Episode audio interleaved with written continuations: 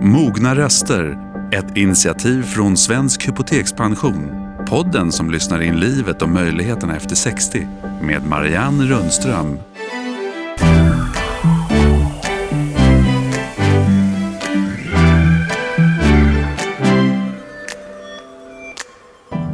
Ja, välkomna kära lyssnare. Vi tycker ju att det är kul att poddlyssnandet har ökat påtagligt den här sommaren.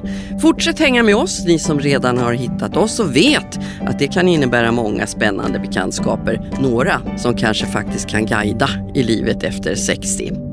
Idag om jakten på lust när Lustans Lakejers frontman Johan Kinde strax gästar oss inför ett 100-årsjubileum.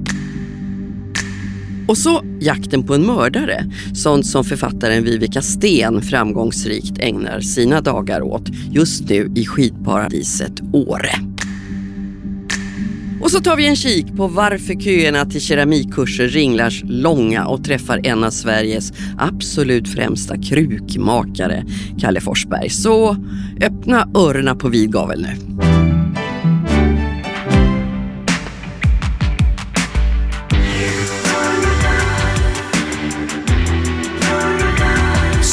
Många andra före mig Jag förlorades i dig Lorelai.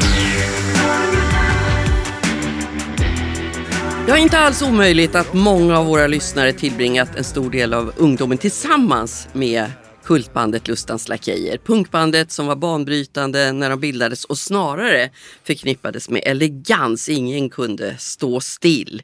Och nu firar de 40 år och frontmannen Johan Kinde fyllde nyligen 60 och det ska firas ordentligt. 100 år av åtrå heter jubileumsföreställningen. Imorgon den 2 september så kliver ni upp på scen på Cirkus. Välkommen hit! Tänk att du kunde titta förbi här på vägen. Vad härligt! Ja, det är härligt. Tack Ja, så mycket. ja. Alltså, Verkligen välkommen. Du, är det 40 år på scen eller 60 år i ditt liv som är mest märkvärdigt att fira?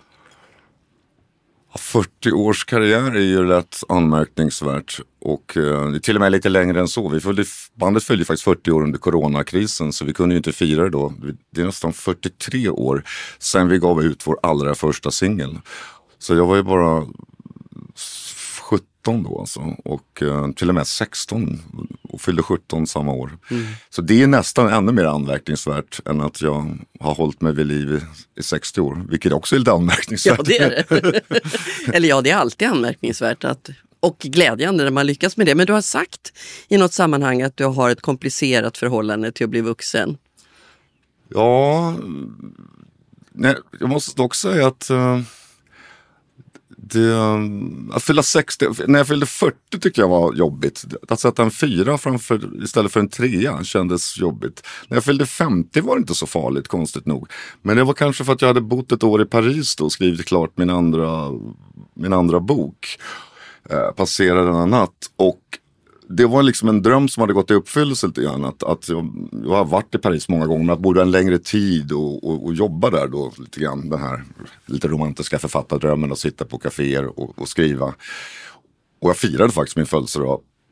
Det var det sista jag gjorde innan jag åkte hem igen i, i Paris med de vänner jag hade där. Och sen firade jag den igen när jag kom hem till Stockholm. Så att det kanske var det att man hade lyckats uppfylla en dröm som gjorde att det inte var så farligt. Men sen så nu fylla 60, jag vet inte, det, det, det, man kanske har gi- gi- givit upp inför faktumet på något sätt. Att man, Men du har blivit vuxen nu då? Nej, det vet jag inte riktigt eh, om jag skulle klassa mig. Eller jag tror inte omvärlden ser det så i alla fall. Jag har ju inga barn. Jag eh, har ju inget vuxet jobb på så sätt. Jag är ju fortfarande popmusiker eller vad man ska säga. Och så, så att jag, eh, men jag är ju mer ansvarsfull än vad när jag var 17 i alla fall. Men vad är det sämsta och det bästa med att bli lite äldre? Det sämsta med att bli äldre är ju att när man var ung och klagade på någonting och som vi gjorde med Lustans, vi tyckte vissa band var dåliga och det ena med det andra var, var tråkigt och sådär. Då, då, då uppfattades man ju som lite spännande och provokativ när man sa sådana saker, när man klagar på någonting. När man blir gammal och klagar på någonting, då är man bara gnällig och tråkig. Och, är, Och ingen lyssnar. och ingen lyssnar. Och, om de gör det så, så, så, så, så, blir man genast eh, klassad som en, som en gnällspik och, och, och passé. Eller att man, att man inte lever med tiden på något sätt. Men när man är ung så är det tvärtom. Att då är man, oh vad modigt att våga klaga på den och den saken. Och det är trist. Men du, hela, hela ditt musikaliska liv, så Lustans Lakej, ni har jagat lusten kan man säga. Men är det, är det samma lust ni jagar idag? No, äh, eh, det, det är det kan vara en ganska bra fråga. För att jag, eh, i viss mån så är det samma. För att om man skrapar bort det här med champagnen och dekadensen och sånt så är det ju alltid, de flesta låtar handlar ju ändå alltid om kärlek. Att, att eh, ofta tyvärr förlust av kärlek, saknaden och längtan efter kärlek. Och den finns ju, den längtan finns ju kvar än idag. Nu, där kan man ju kanske säga att många texter har mognat lite grann. För när jag var ung så skrev jag ju, då hade jag ju inte upplevt så mycket kärlek. Men det märkliga är att det finns ju texter som Skuggan av ett tvivel och sådana som handlar om förlorad kärlek som jag skrev när jag var väldigt, väldigt ung. Den var jag tror jag 16 när jag skrev. Men som, men som ändå resonerar ganska starkt med mig än idag när jag sjunger om live fast jag var så ung. Var Ganska som- mogna texter som, Ja. som du skrev väldigt tidigt. Ja, det, tack. Och det måste jag... Det, det, det kan vara vissa rader där som är väldigt naiva och gulliga. Men det stämmer ändå. När liksom, den smärtan klingar på något sätt aldrig riktigt av. Eh, Om, om man förlorar någon, och det kan ju vara kärlek eller det kan ju vara på ännu värre sätt. eh, När någon, den, den, den sorgen påminner ju om varandra. Om, om, att, att förlora någon i kärlek. Eller förlora någon, eh, eh, ja, precis, som, som går bort. Som jag har fått uppleva mer kanske tyvärr nu när man blir äldre. Så, så, så de är ju snarlika och jag var ganska bra på att beskriva även som ung. Idag kanske kan vara mer, lite mer såna här parrelations som låter mörk materia från senaste skivan och eh, jag kan läsa mellan raderna. Som, där man kanske beskriver på ett lite mer moget sätt. Liksom ett, ett par som har levt ihop en längre tid och så. Än på det här väldigt dramatiska mm, sätt jag gjorde när jag var ung. Men, så, Men en del av det här kommer ju att komma upp nu, texter som du skrev när du var kanske i 20-årsåldern eller ännu tidigare. Men hur funkar det med din, eh, alltså du har ju en 60-årig mans röst, en djupnande röst. Mm, Jag försöker för sig sjunga de flesta av dem eh, i originaltonarter. De som, eh, som har den typen av texter. Andra som Diamanter, En flickas bästa vän, som jag är ju mer en nästan politisk text kan man säga. Jag ska börja bli elak, jag ska odla mitt hat. Och där är det nästan att jag sätter mig i en roll som en ganska ondskefull människa på något sätt. Som, som gör allting för att, för att eh, tjäna pengar eller få makt. För han vet att det är det som kommer ge honom det han vill ha. Nämligen kvinnor och diamanter och, och, och pengar. Eh, där har jag lagt ner tonarten tvärtom. För där tycker jag att jag låter lite för, lite för ung och, och, och eh, nasal om man ska säga när jag sjunger originalet. Så att... eh, Men det är häftigt att de hänger med de där texterna. Ja, den texten har nästan bara blivit mer och mer aktuell för varje år som går. Jag skrev den 1979 till och med tror jag. Men vi gav ut den alldeles i början av 80-talet och den har ju nästan blivit mer och mer eh, ja, du, aktuell och eh, topical säger man på engelska. Alltså, ämnet har blivit mer och mer brinnande för varje årtionde som har gått sedan dess. Du var inne på det alldeles nyss själv, men, men eh, Lustans Lakejer är- det är ju liksom en väldigt eh, livsbejakande namn på, på ett band. Men samtidigt så dolde det sig ett, ett oerhört mörker där bakom. Du skrev den här Passera denna natt som du just berättade att du skrev i Paris. Som ju var ett ohyggligt mörker alltså. Där tabletterna och låg på bordet och väntade på ditt beslut. Skulle du fortsätta leva eller inte? Vad var det som gjorde att eh, du valde att fortsätta? Uh, dels lite grann så skriver i boken att min far hade ju tagit livet av sig.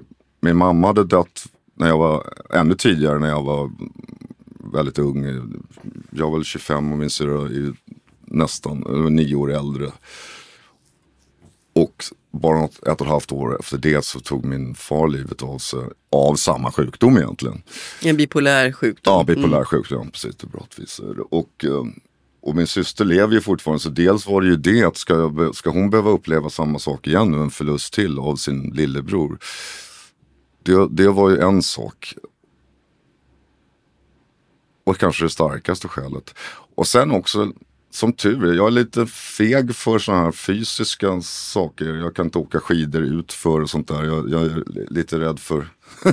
så att en rädsla också. Vad, vad, vad, dels kommer jag lyckas. För jag, det skri- skriver jag också i boken. Jag känner en, en, en flicka eller kvinna snarare nu som försökte en gång och, och räddades av en, en vän eller väninna. Och det var ju tydligen fruktansvärt otäckt. Och, och det liv och- som väntar kan ju vara... Ja, och, och exakt. Jag är ju inte, jag är ju ateist eller till och med anti-teist. Och, men som jag skriver där, tänk om de har rätt. Tänk om det finns ett helvete.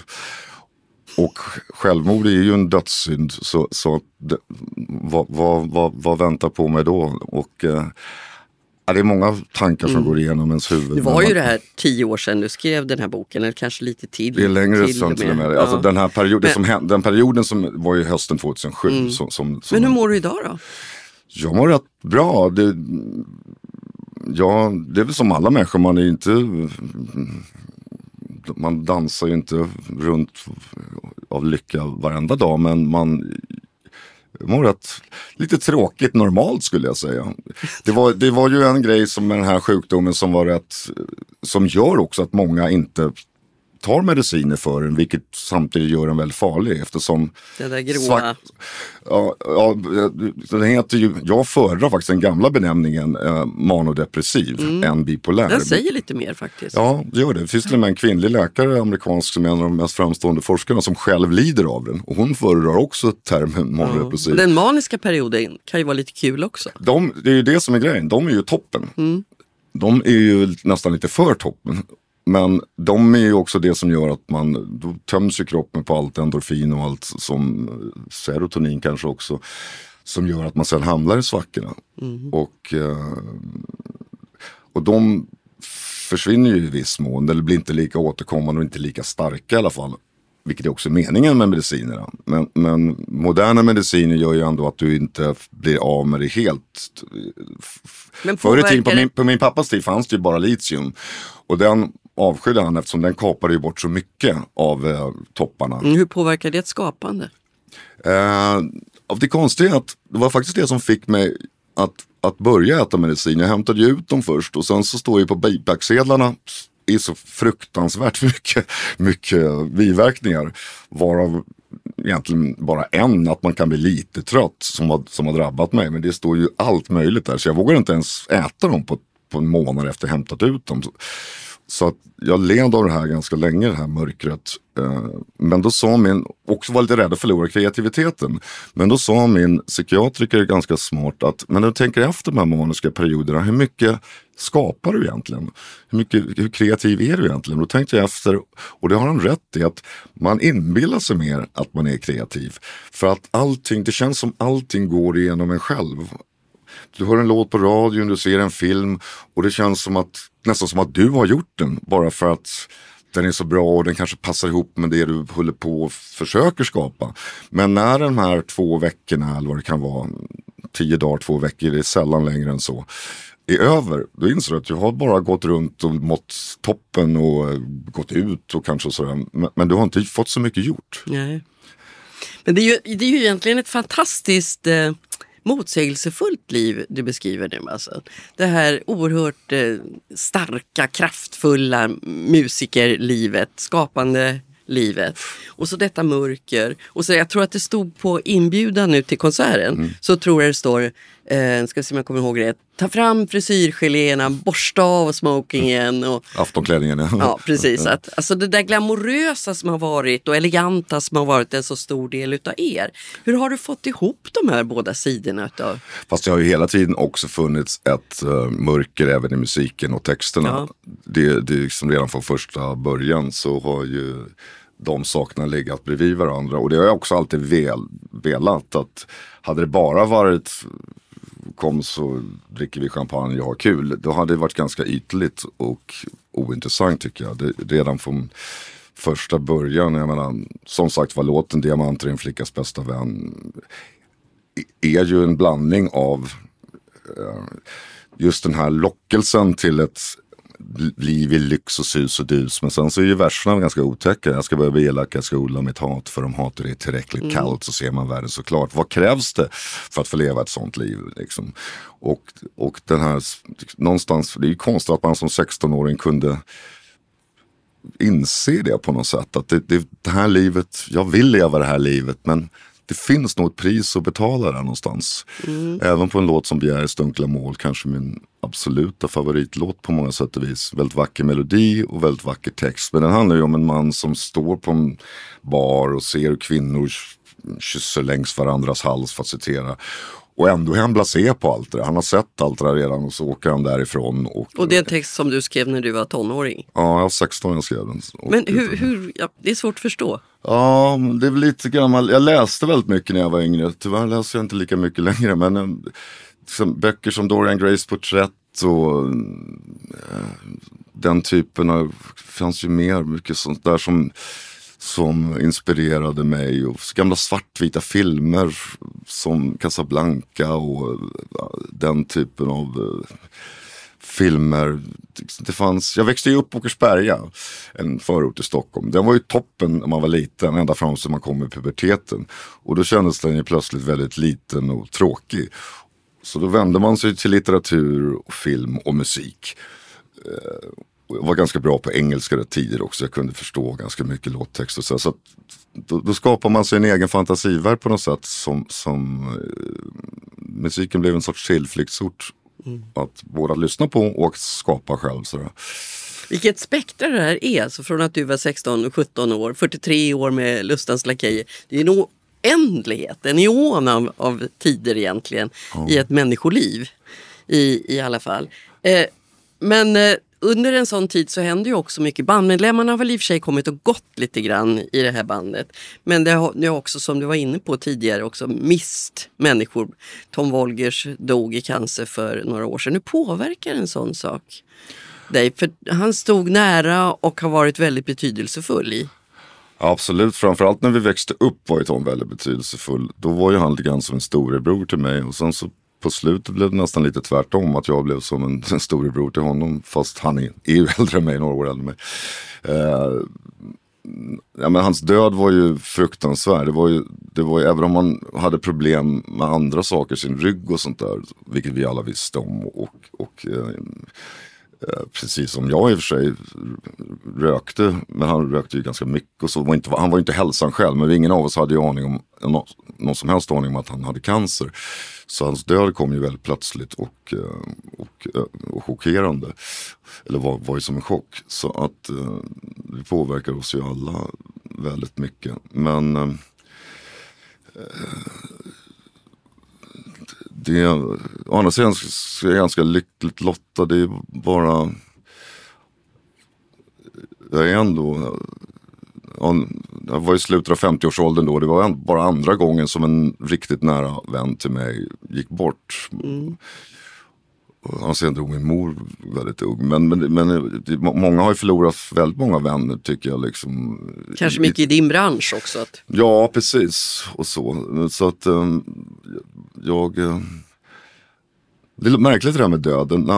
Jag kommer ihåg när man gick i mellanstadiet och någon kompis mamma dog. Det är ju för väldigt ungt. Jag tänkte liksom, hur klarar han det? Hur kan han ens överleva och, och, gå vidare? Jag skulle inte klara det. Men sen så dog min mor som sagt när jag är 25. Vilket ju ändå är rätt. Jag är äldre nu än vad min mamma var när hon dog. Hon var bara 58 år. Mm. Och, eh, och man klarar ändå på något sätt. Det, det, det är förvånande hur människan är eh, ändå anpassad att, att um, klara saker som, som livet, mm. livets cykel. Mm. Du, när ni kliver upp på scen igen nu, massor av fans kommer att stå där. Hur är det med återväxten när det gäller fansen? Ja, det är, är, det är ganska bra faktiskt. Eh, Vi vill ju ha, ha ännu fler yngre fans såklart. Nu har inte jag, det går inte att titta på biljettförsäljningen exakt. Åldersbestämda, nej. nej. Vilket är bra. Att Datalagstiftningen. Ja, du kanske blir förvånad när du Ja. står där. Vi får väl se, precis. Nej men vi har ju, um, vi, vi, jag känner ju några um, vänner till mig som dels är fans själva och är i min ålder. Men, men de, deras, uh, deras uh, barn är också fans, uh, vilket är väldigt glädjande. Och jag tror lite grann att det är ungdomarna i familjen som nästan är, är större fans än vad mina vänner, alltså föräldrarna är. Så det är ju toppen. Och de är Mm. Kan ni involvera dem på något sätt? Vad sa du? Kan ni involvera de här unga fansen på något sätt? Ja, jag, jag leker ju med- Nya Lustans lakejer. Precis, jag, jag leker ju med en tanke att, eh, att eh, jag känner till några fler också eh, unga människor som, som har egna band och som är fans. Ibland är ju det vänner till dem, eh, släktingar till de som är i bandet. Och de spelar ju själva också. Så jag leker med en tanke att vi ska, att, att, eh, så att jag tycker synd om de kritiker och, och andra som inte gillar oss men att, att Lustans aldrig ska dö utan vi ska skapa en, en, en ny generation av, av Lustans lakejer som eh, till att börja med ska spela våra låtar men de ska vara så begåvade så att de kan fortsätta. Så att vart 40 år kan det bli nya föreställningar. Ja precis. Ja, gud vad härligt. Eh, konserten nu är, är på Cirkus i Stockholm. Exakt. Och, eh, 19.30 börjar vi, 2 september. Ja, Imorgon alltså. Det där kommer, vilken kväll det kommer att bli. Alltså det, det är med gästartister också, eller era vänner säger ni. Precis. Du har outat Orup tidigare. Exakt. Kayo Ciccone kommer också vara en gästartist. Och sen så är det en tredje, också vän kan vi säga, så mycket kan vi säga, men som vill vara lite hemlig. eh, Som, eh, Så det kan man sig inte trockla ur dig nu då. Nej, mest för artistens egen skull tror jag. Men det är kul med överraskningar på ja, scen precis. också. Men eh, om jag säger att det är en av Sveriges mest kända artister som dessutom är en vän till oss, kanske en del kan lista ut det. Ja, nu, nu är vi in på så här 20 frågor här. en han, en hon. ja men gud vad roligt. Ha så kul på kvällen. Jubileumskvällen där. Tack ska du. Publiken kommer ju garanterat att ha det. Det kommer bli en fantastisk kväll tror jag. Ja. Härligt att du tittar förbi oss på vägen. Tack så Tack mycket. Johan Kinde. Vi lyssnar på landets mogna röster.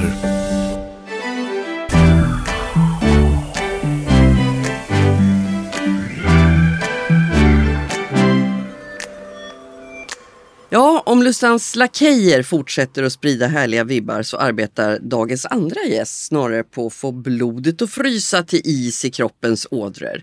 Redan tidigare har hon visat upp en mordisk sida i sommaridyllen Sandhamn. Kanske många av våra lyssnare varit där i sommar eller sett dramatiken i tv-serien Morden i Sandhamn. Och nu är det vinterparadiset Åre som förknippas med ond, bråd död. Bägge platserna är deltidsboenden för författaren Vivica Sten som nu sitter här i studion. Välkommen hit! Tack så Vad mycket. härligt att ha dig här. Det är jättekul att vara här. Ja. Och jag tänker att det är nästan en bragd att du sitter här faktiskt. Jag brukar alltid fråga författare lite grann kring hur, hur sitter du när du skriver och sådär. Men för dig blev det ju faktiskt sängläge när du skulle skriva stora delar av den här boken efter en, en väldigt svår skidolycka. Just i Åre. Ja, men så var det. Eh, att jag, jag brukar säga att Vilseledaren, som, alltså fjärde boken i Åre-morden, att den överhuvudtaget kom till i något av ett mirakel eller hur man ska kalla det för. För jag bröt egentligen benet i tusen bitar i mellandagarna, alltså den 28 december förra året.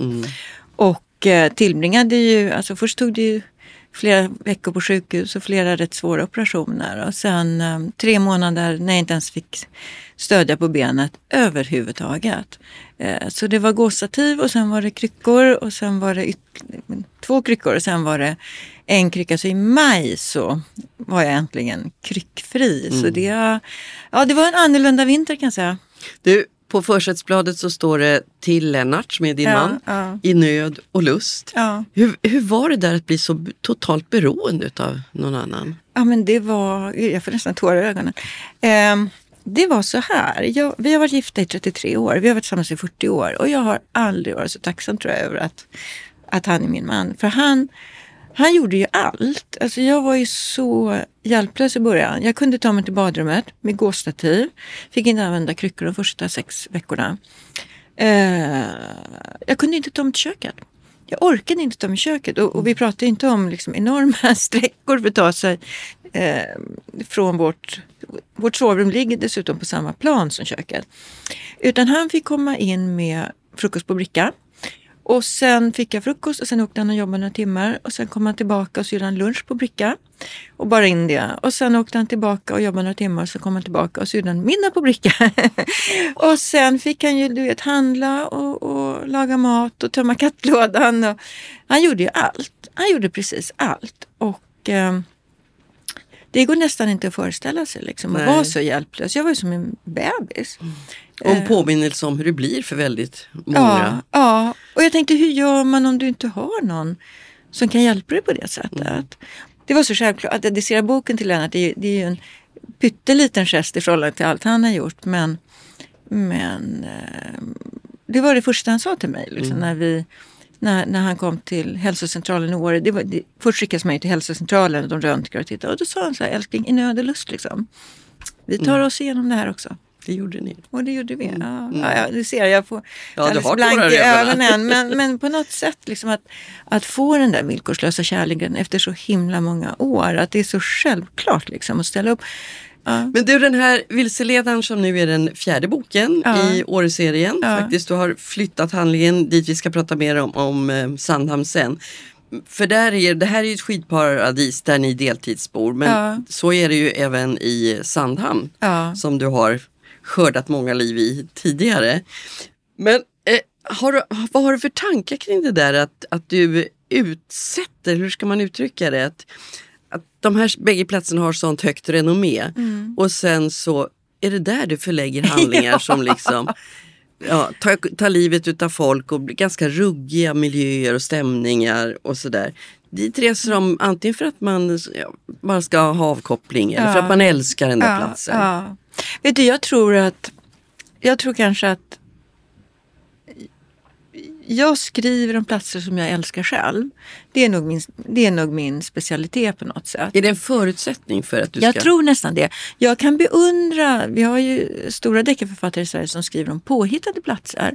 Och jag kan beundra det. Men jag skulle inte klara av det. För för mig är det så viktigt med förankringen. Och, och själva den geografiska platsen jag skriver om. Och jag tar enormt mycket foton, jag gör enormt mycket research. Tar tusen bilder på, på de olika platserna som förekommer i böckerna. Så att eh, någonstans så skriver jag om det som ligger hjärtat närmast. Och jag har ju älskat Sandhamn sen, sen jag var en bebis. Jag har också varit på Sandhamn sen jag var en bebis.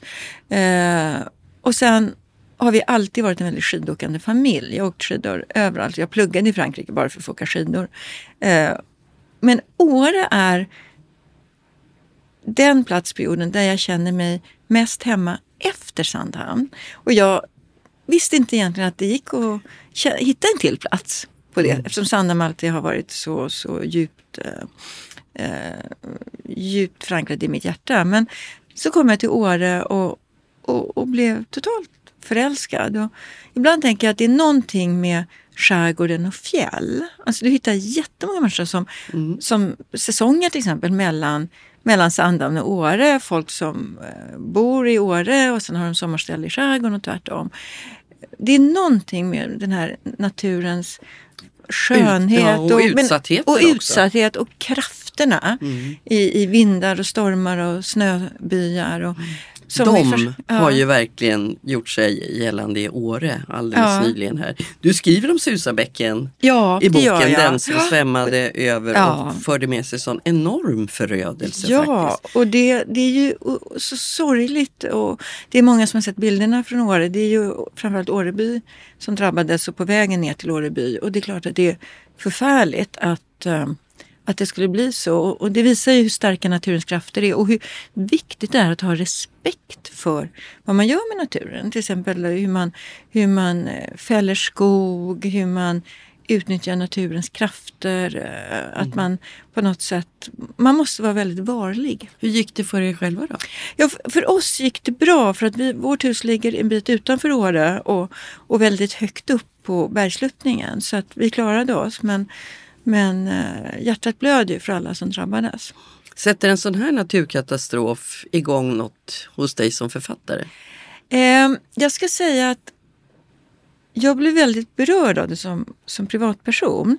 För mig skulle det vara lite svårt i det här läget att skriva om det. För jag skulle tycka att jag, eh, jag vill inte... Det skulle nästan kännas lite konstigt att, att profitera på en verklig katastrof. På samma sätt som jag brukar säga att jag skriver aldrig om verkliga personer. Jag hittar på alla därför att jag vill inte lämna ut grannar och, och Nej, annars gamla hade hemligheter och sådana saker. befolkningsstatistik ändrats radikalt.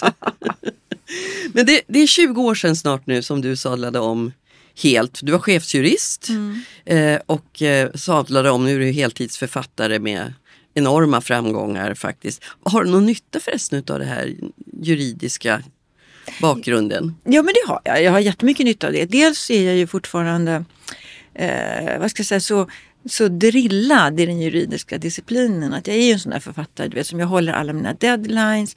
Jag gör upp tajta scheman från början. Eh, jag svarar alltid på mail och, och, och på sms eh, med en gång.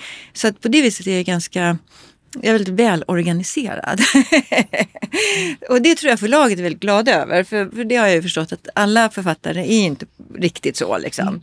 Eh, så, så det hjälper mig mycket. att eh, Jag kan ha tusen järn i elden men jag har, jag har väldigt bra koll på mina tusen järn elden. Men vad var det som gjorde att du liksom tog det här beslutet att, att lämna en fra, ett framgångsrikt yrke för att du visste ju inte från början riktigt hur det skulle gå med författandet. Verkligen inte. Men vad som hände var ju att jag, eh, eh jag lämnade ju när jag hade eh, jag höll på med min fjärde bok i Moderns och jag började skriva bara för att se om jag kunde skriva något annat än de här tråkiga fackböckerna. Jag hade ju skrivit några hiskligt trista böcker innan. Outsourcing av IT-tjänster och internationella avtal hette en. Och, Alltså du skulle somna så gott till det Marianne på, om du läste den. Och så ville jag se om jag kunde skriva en deckare. Och, och när den kom ut då var det ju det mer ett experiment. Men, men första Sandhalsboken, I det lugnaste vattnet, gick ju så ofantligt bra. Och sen så gick ju nästa jättebra. Och sen ringde ju TV4 och frågade om de fick filma morden i Sandhamn. Och sen började ju massa eh, agenter ringa och säga, får vi representera dig? Och förlag, utländska förlag så får vi köpa rättigheterna. Och någonstans så hade jag ju två jobb till slut. Och då, jag ska säga, det var ett svårt beslut att ta. Det tog lång tid att ta, fatta beslutet. Men jag kände att jag kommer att ångra ihjäl mig om jag inte hoppar på det här författartåget nu. Och någonstans så tänkte jag nog att jag, alltså jag är en duktig jurist, eller jag var, nu har jag inte jobbat på länge, men jag, jag kände nog, jag hade bra självförtroende. Jag tänkte jag är en duktig och habil affärsjurist. Jag kan alltid lura en stackars advokatbyrå och ge mig ett jobb. Om författeriet går åt skogen. Ja. Så jag, kan, jag kommer alltid kunna försörja mig. Men jag var tvungen att testa och hoppa på tåget när det kom. Och det har ju blivit en succé verkligen. Den tionde säsongen av Morden i Sandhamn har väl just börjat spelas in. Och jag satt och tittade faktiskt på något avsnitt någon regnig kväll. Det har varit väldigt många regniga Många kvällar regniga kvällar. Ja. Eh, och det var, ett, det var ett väldigt obehagligt avsnitt där det var ungdomar som var Ja. utsatta för, ja det var så här, uff, obehagligt. Och så samtidigt som man gör nu för tiden så sitter man ju och scrollar lite Mm. Ja. vet, på telefon och sådär. Och då kom det upp så här alldeles underbart romantiska bilder från Sandhamn där du höll förlovningsmiddag Ja, för din dotter. för min dotter. tänkte, Gud, det här är samma människa liksom, som, har, som har skapat det här. Ja. Och den dottern Camilla har du ju faktiskt skrivit några böcker tillsammans med också. Ja men precis. Ja. Jag har skrivit en, en, trilogi, en fantasy-trilogi för tonåringar. Eh, om en tjej som växer upp på Harö. Så vi håller oss till skärgården.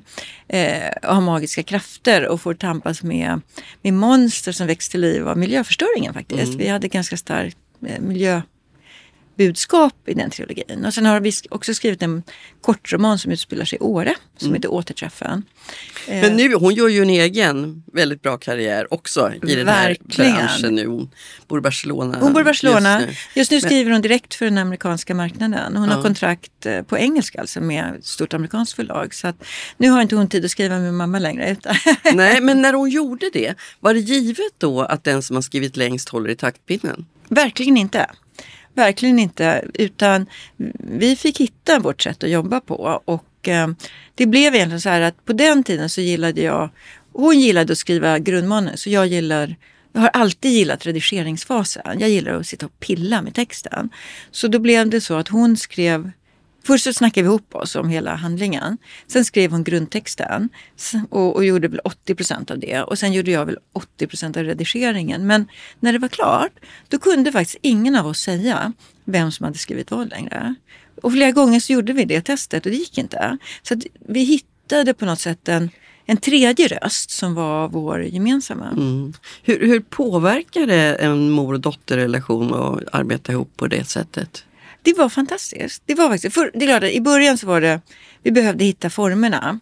Men jag upplevde att vi fick en väldigt fin och fördjupad relation. För att plötsligt var det inte bara mor och dotter, vi kunde också prata med varandra på ett kollegialt sätt. Eh, jag fick en väldigt stor respekt för henne och jag tror att hon uppskattade att hon och jag kunde mötas yrkesmässigt så att säga. Eh, Och vi hade, ehm, jag tyckte att det förde oss mycket närmare varandra. Jag vet att Camilla brukar säga att hon och jag bråkade, när hon var tonåring, vi bråkade så mycket så vi bråkade klart på något sätt. Eh, Men det blev, det blev en jättefin relation. Och vi, har, vi hörs, hon bor som sagt i Barcelona men, men vi pratas vid väldigt, väldigt ofta. Vi mässar, eh, ja, om inte varje dag så i alla fall varannan dag. Eh, Nu ska vi åka ehm, till Rom i nästa vecka på tjejresa. Så att, eh, och så var hon ju här då för två veckor sedan och, på förlovningsmiddag. Så, så att eh, Härligt. det var väldigt, väldigt roligt. Och, och jag kan förstå att föräldrar det, alltså man kan, barnen måste ju bli vad de vill. Man kan ju inte säga att du ska bli det som jag blir. Men jag kan förstå att föräldrar vars barn väljer samma yrke, eh, hur roligt det är. Det hade inte jag förstått innan. Det här att du kan hitta varandra på, på det yrkesmässiga planet. Det är fantastiskt att kunna prata om sitt yrke med, med, med sitt barn. I den här sista, senaste delen av, morden i år, Åremorden, så är det ju eh, sen, att det handlar om ungdomar. Ja, Och det gör det hela mycket obehagligare tycker jag. ja. Men sen har du ju verkligen samlat Ja gud så mycket det händer här alltså. Allsköns elände på olika Ja. sätt. Jag ska inte berätta om det men jag kan säga att det, det är verkligen många saker som händer och som är väldigt, så man tänker sig, gud finns det något kvar att skriva om nu? Det, är- men tanke, det är ju, det, det- vi kan ju avslöja så mycket att det handlar om sex eh, unga studenter som, som pluggar i Uppsala, precis som min son då, Leo, eh, som åker upp till Åre för en sån här eh, festvecka. I, Det kommer han aldrig mer få göra. I januari så är det, det kallas för studentveckorna. För det, du vet, det är billigt och, och det är inte mycket folk och det är mycket studenter, det festas mycket. Så sex stycken åker upp och ska bo i ett hus som tillhör en av, en av killarnas föräldrar. Men bara fem kommer tillbaka.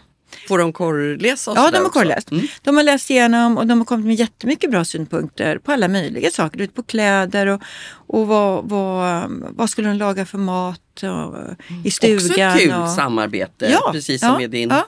dotter, även om ni kom hela vägen fram till att skriva ihop sen. Verkligen. Och faktum är att mina söner är inte storläsare av mina böcker. Så att det var lite roligt faktiskt att Leo hängde på där. Och sen hade han äntligen läst klart och så kom det sms att wow, det var ju jättespännande. och då blir ju mamma hjärtat lite glad. Mm. Det blir ledsarna också, för det var jättespännande. Ja, vad härligt att höra. Det är så pirrigt så här i början. Alltså den har inte kommit ut än. Den kommer ju 3 oktober. Och, och, och så nu har ju bara liksom få utvalda fått läsa och på förlaget och lite kompisar som alltid läser. Och, alltså det är ju så pirrigt du vet. Man vill, man vill. Men har också våra lyssnare fått en liten inblick som Ja. inte så många har. nej, nej men precis. Man vill, Tusen tack för att du kom och att du kom gåendes hit. Det var ju fantastiskt kul Ja, att se. inga kryckor. Härligt. Underbart. Tack Viveka. Tack så hemskt mycket. Mogna röster. Ett initiativ från Svensk Hypotekspension.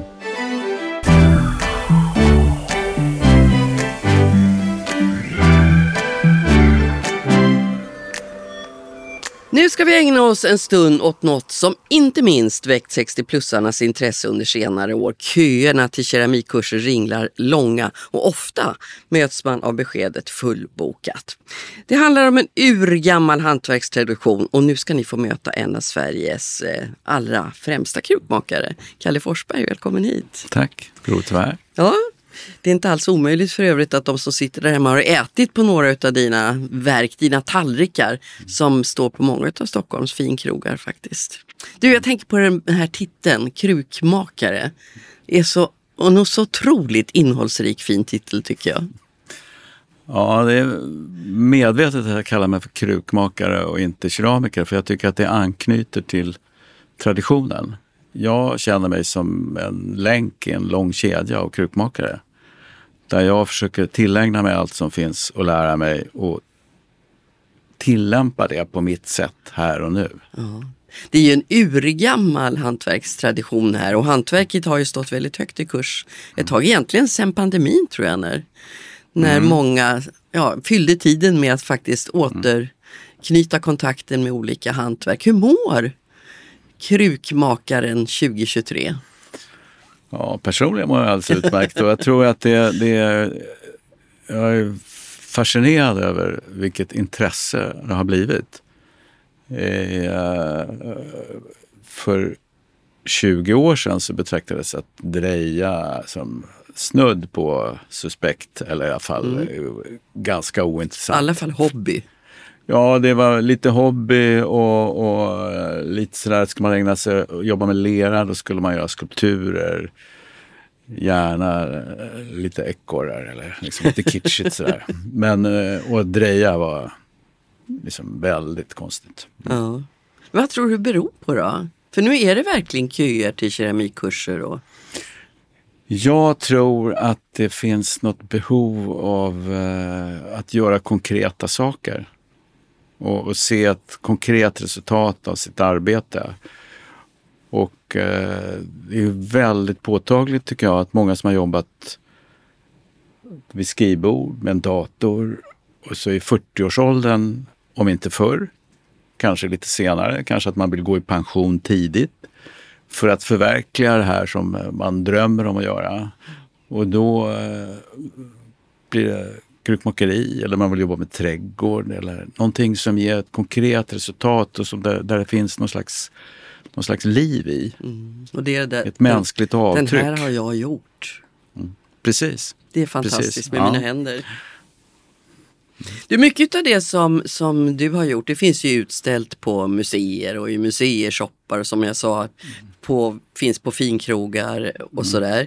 Eh, men idag kan man ju faktiskt köpa väldigt billiga varianter utav en tekopp till exempel på Ikea eller, eller vad du vill.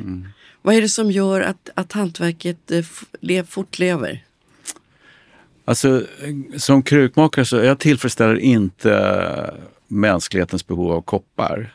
Utan jag tillfredsställer behovet av att ha någonting som är vackert omkring sig. Att använda någonting man, som man har en relation till. Och eh, som betyder något för en. Så att om man då om man går och, och min kopp kostar 420 kronor. Du kan kanske gå och köpa på Ikea och köpa en för 25 och två för 40. Men om det, om det du omger dig med betyder något för dig, då är man beredd att, att, att liksom betala det extra. Mm. Men, men vad ska det väcka för känsla? Kan man konkretisera det? När man, när man lyfter på din kopp med sitt rykande morgonte. Ja, jag vill ju att den ska eh, kännas ja, att det ska kännas vacker och levande på något vis. Jag brukar fundera på det där med alltså, keramik och musik är lika på många sätt, tycker jag. Det är ordlöst och det handlar om form väldigt mycket. Eh, och det är som skillnaden mellan en trummaskin och en trummis. En, en trummaskin slår perfekta slag. En trummis slår inte alltid helt perfekt, men han får det att svänga. Och så tycker jag det kan vara med, med, med handgjorda saker också, inte bara keramik. Men hur har den här utvecklingen påverkat ditt yrkesutövande? Att du, som du sa, två koppar för 40 kronor på Ikea Jo. eller någon annan stor kedja. Jo, men det är ju någonting som går långt tillbaks. Alltså att, att uh, hantverkarna slogs ut.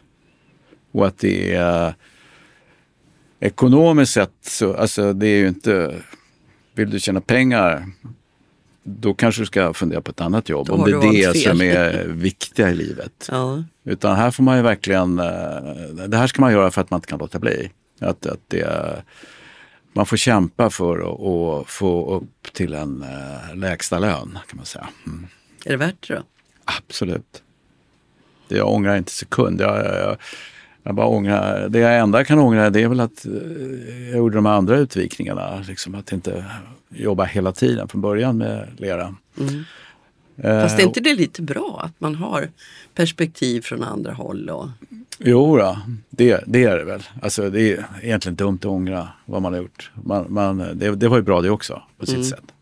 Men, men hur kom det så här att, att det blev krukmakare? Så du har ju ett påbrå. Din faste var Herta Hilfon. Ja, och jag kommer från en släkt där det har varit mycket hantverk. Farfar var skräddare och målade.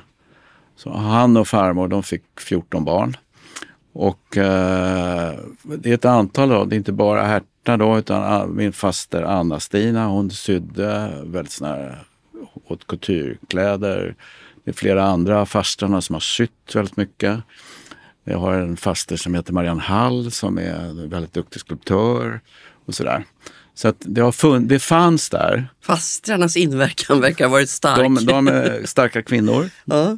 Eh, och eh, farbröderna ägnade sig, de betyder mycket också, men eh, på ett annat sätt. Ja. Men om man tittar på din faster Herta Hilfon som ju är en av Sveriges absoluta S inom den här konsten. För er som inte eventuellt känner till henne så handlar det ju väldigt mycket om mycket kavlat. Många av de här stora ansiktena, profilerna och ja, det är stora verk så att, så att säga. Kan man tala om gener? Nej, men inflytande. På något sätt. Det handlar inte så. När jag, jag var hos Herta när jag var i tonåren.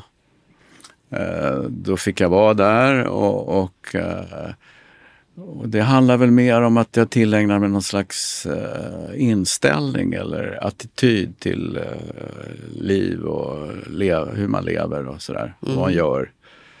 Eh, när jag försöker göra, sen så sätter jag igång och, och skulle göra såna här skulpturer som hon gör. Det blir ju bara dåliga kopior. Så då bestämde jag mig för att, att jag började utveckla drejandet istället. Mm. Men det tog ju sin tid. Men när du var hos henne som barn, alltså, fick du hålla på och leka Alltså med var ju- lera och sådär tillsammans med Sveriges främsta keramiker? Nej, det var inte så att, alltså, eh, mamma städade åt Herta när jag var sju år en gång i veckan. Det tyckte jag var dötrist. Och satt med min kalanka där och läste men, och väntade på att dagen skulle ta slut. Men när, sen var i tonåren, då eh, var jag i 17, 18, 19, då var jag hos henne och jobb, jag, var, jag sommarjobbade hos henne och sådär. Så att det är inte så att jag har, och hon har inte lekt med mig. Det var hon liksom inte överhuvudtaget intresserad av. Utan när jag kom dit och, och jag sk- skulle bara få vara där när jag var så här, då pekade hon på det här är drejskivan, här är leran, hej då. Så fick jag liksom, Gör ditt jobb. ja, det, det var, hon var inte så mycket pedagogiskt intresserad om man säger så. Mm. Så din inriktning blev då inte de här stora sakerna som hon har gjort. Enorma urnor och Nej. otroligt vackra saker faktiskt. Du har, du, din inriktning blev ju bruksföremål kan man väl säga. Ja, Varför, varför, varför valde du den vägen? jag tror att jag har något sånt där i mig. Att, alltså dels har jag lite dåligt självförtroende när det gäller liksom ge mig in på konst.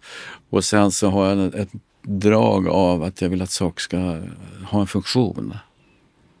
Och sen tycker jag det är viktigt, alltså det vi omger oss med, jag tycker det är ganska, ganska viktigt. Jag gillar att omge mig med saker som är, betyder något och som har någon slags eh, egen själ. Mm. De här kopparna och tallrikarna och så. Ja. Alltså de, de finns faktiskt på ganska många utav Stockholms och då är det finkrogar. Hur kom, Ja. hur kom det där sig? Alltså det där började... Ja, först hade jag gjort grejer till en restaurang som heter Mistral.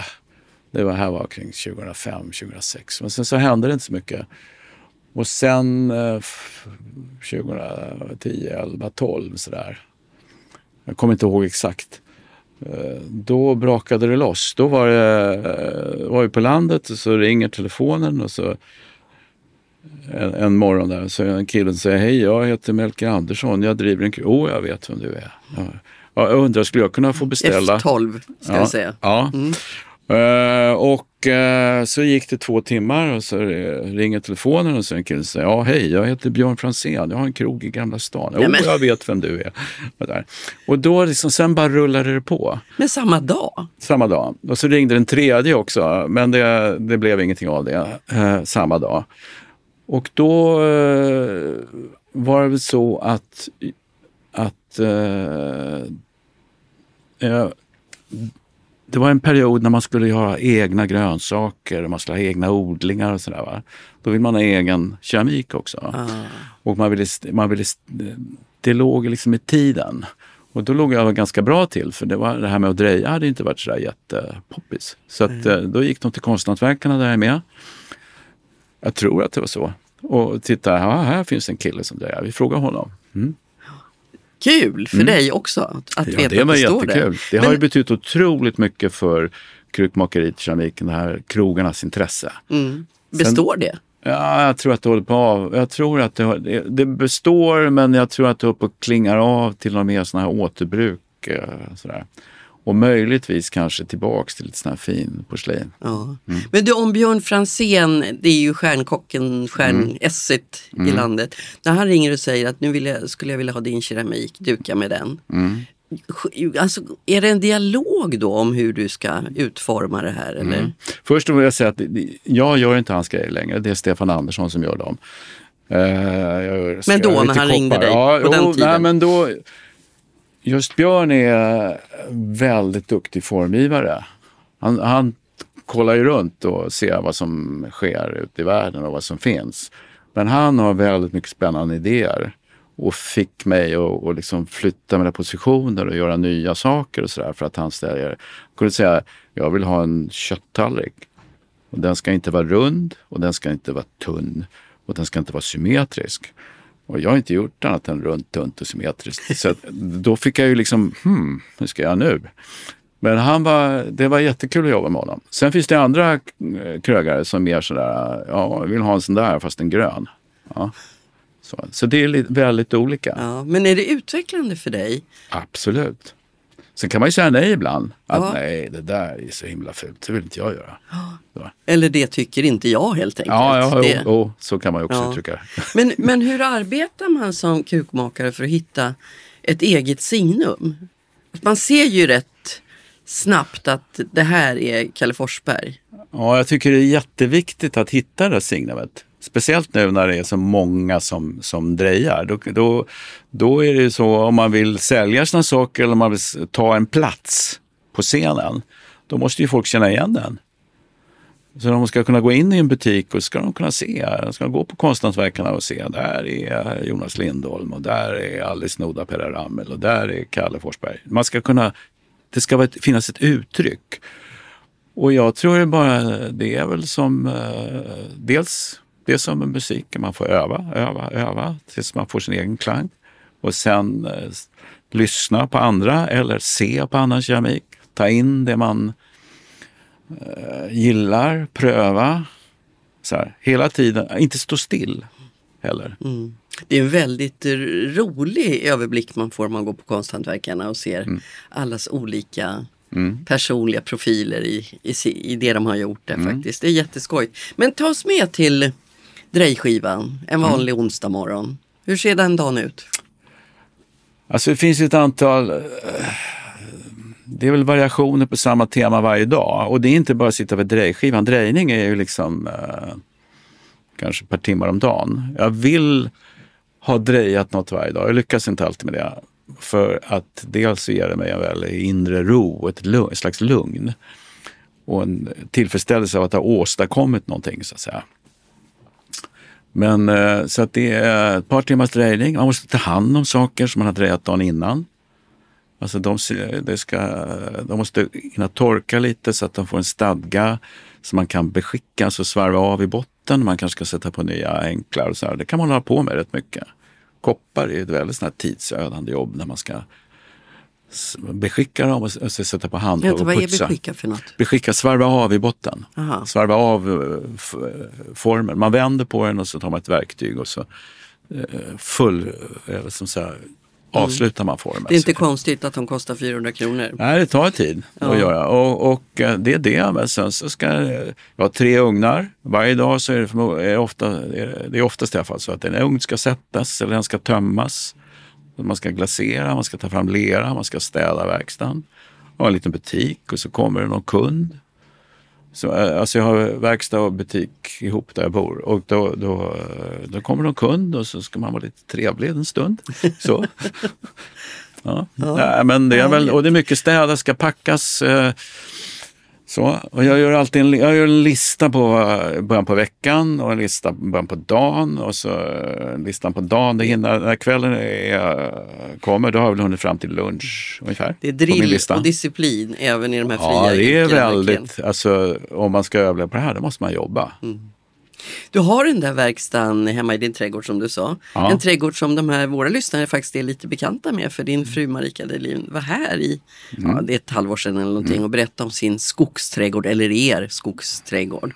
Som man blev, åh Mm. den är så vacker, det är fantastiskt faktiskt.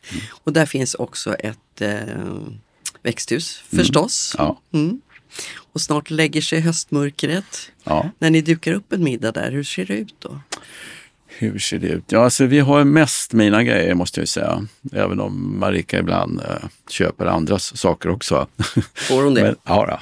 Eh, och det är roligt med andras grejer. Men ja, eh, det är också ett sätt, när man har sina egna grejer så får man relation, man får pröva dem på något vis om de funkar och så märker man efter ett tag, nej den där går bort. Mm. Eh, man dukar upp i växthuset, där har vi ett eh, stort bord av, som är gjort av eh, ekplankor från en ek som vi har fällt på tomten här. Eh, och sen så har jag tallrikar Eh, hur ska jag beskriva det? Alltså det är ju, vi, har, vi har inte så här att vi dukar med, med vita eller de är blö, gröna eller de är så här, utan vi har alla möjliga färger samtidigt eh, som funkar ihop. Eh, sen så, hur ska jag beskriva mer? Det är ofta blo, är det, ja, det blommar även nästan året runt faktiskt. Marika älskar buketter. Vackra buketter. Ett växthus kan man ha det också nästan året om. Ja, ju. Mm. ja fast vi, det är lite för kallt för att sitta på vintern faktiskt. Det tar slut någon gång i slutet på oktober. Eller oktober. Kan man ta en Även glögg? Ja, jo, jo, jo, det kan man göra. Mm. Ja. Eh, du, det är ett urgammalt hantverk vi pratar om, som du säger, att du Mm. bär en, på en tradition. Att du är bärare utav den. Eh, men vad ser du för utveckling? Hmm, Hur tror du att krukmakaren om, om eh, 50 år kommer att arbeta och med vad? Ja, ett fantasilöst nog att tro att det är ungefär likadant. Det kommer det kommer, finns naturligtvis här digitala, vad heter det, såna här 3D? 3D-printrar och sånt där. Men eh, det, då, är man ju typ, då har man ju lämnat det här. Alltså vill man hålla på med och dreja, då måste man ju sätta upp den här, då måste man ju ta den här lerklumpen och sätta den på drejskivan. Men är inte det en mäktig känsla? Att du sysslar med något som alltid i tusen år, eh, mer kanske, har sett ut på, processen har sett ungefär likadan ut. Ja. Resultaten har sett ungefär likadana ut. Men det är andra saker, laga mat. Alltså det, det, det, vi har elugnar nu, men vi har elspis. Men laga mat är också en sån. Alltså det här basala behoven eh, är ofta så att där står sig så att säga tekniken. Mm. Mm, jag, jag tycker det är en härlig tanke faktiskt. Det, den är tilltalande. Jag pratade om i början att det här har blivit så populärt även hos eh, äldre människor, seniorer. Att, att, är det, är man, funkar det att börja lära sig eh, keramik när man är 60 plus? Absolut, det är aldrig för sent. Sen ska man ju vara med, det beror ju på varför man vill börja. Man kan ju börja dreja bara för att man tycker att det är, är trevligt. Precis man sjunger i kör för att det är kul. Man måste inte stå på Metropolitan sådär som mål, utan man kan bara tycka det är kul att sjunga. Man kan tycka att det är kul att dreja. Sen ska man ju vara medveten om att det tar många tusen timmar att bli duktig. Många tusen. Och bli duktig. Ja. Alltså om du ska bli ett verkligt proffs på någonting, oavsett vad det är, så är det ju så att det tar ju lång tid att bli riktigt, riktigt, riktigt duktig. Mm. Känner du dig färdiglärd? Nej. Det, jag tycker att jag jag tycker jag lär mig hela tiden och jag tycker att ja, de senaste åren så har det börjat arta sig. Så. Vad härligt. Mm. Och du har några år framför dig också. Så att, Ja, hoppas det. Ja. Mm, hoppas det. tusen tack för att du kom förbi oss. Tack för att jag fick komma. Mogna röster, ett initiativ från Svensk Hypotekspension. Ja, där har drejskivan snurrat klart för idag och vi tackar alla härliga gäster. Men vad vore deras medverkan utan er bästa lyssnare? Ni vet väl att ni kan prenumerera på Mogna röster i appen. Och nästa gång ni hör oss, då är september på väg att ta slut. Och då går det nog inte att mota hösten längre, men det kan ju också vara alldeles, alldeles underbart. Vi tackar för idag. Det här podden är ju ett initiativ från Svensk Hypotekspension. Producent Jesper Tillberg och för ljudet svarade Oliver Börnfeldt. Jag heter Maria Rundström. Nu önskar jag er härliga dagar framöver på sensommaren.